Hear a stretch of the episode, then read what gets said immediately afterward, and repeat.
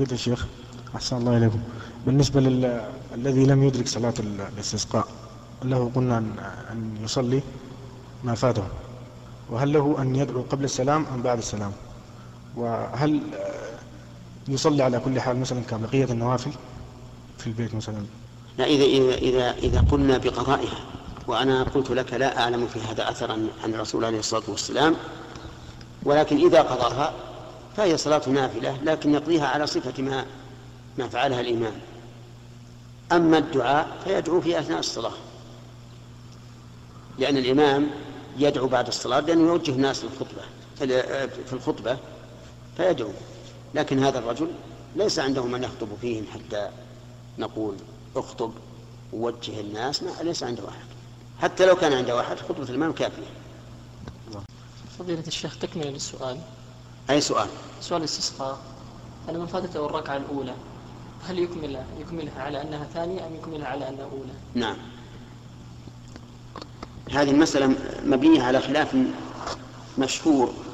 هل ما يقضيه المأموم أول صلاته أو آخر صلاته؟ والصحيح أن ما يقضيه آخر صلاته. لقول النبي صلى الله عليه وعلى آله وسلم وما فاتكم فأتموا. ويظهر الخلاف فيما لو آه، أدرك الإنسان في صلاة في صلاة الظهر الركعتين الأخريين وقام يقضي فهل يقرأ مع الفاتحة شيئا؟ إن قلنا إنما يقضيه أول صلاته قرأ بعد الفاتحة ما تيسر من القرآن وإذا قلنا إنه آخر صلاته لم يقرأ. والصحيح أنه آخر صلاته. لقوله صلى الله عليه وسلم ما فاتكم فأتموا.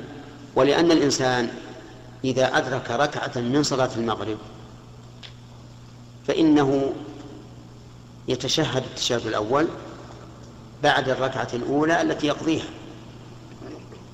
أليس كذلك؟ ولو كان آخر صلاته ولو كان أول صلاته لم يتشهد. لو قلنا صلي ركعتين الركعتين اللتين تقضيهما بدون تشهد إلا الأخير.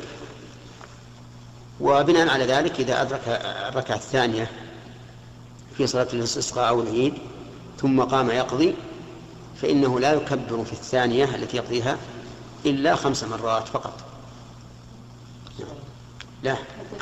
لا لا. لا لا. يجبر الكسر.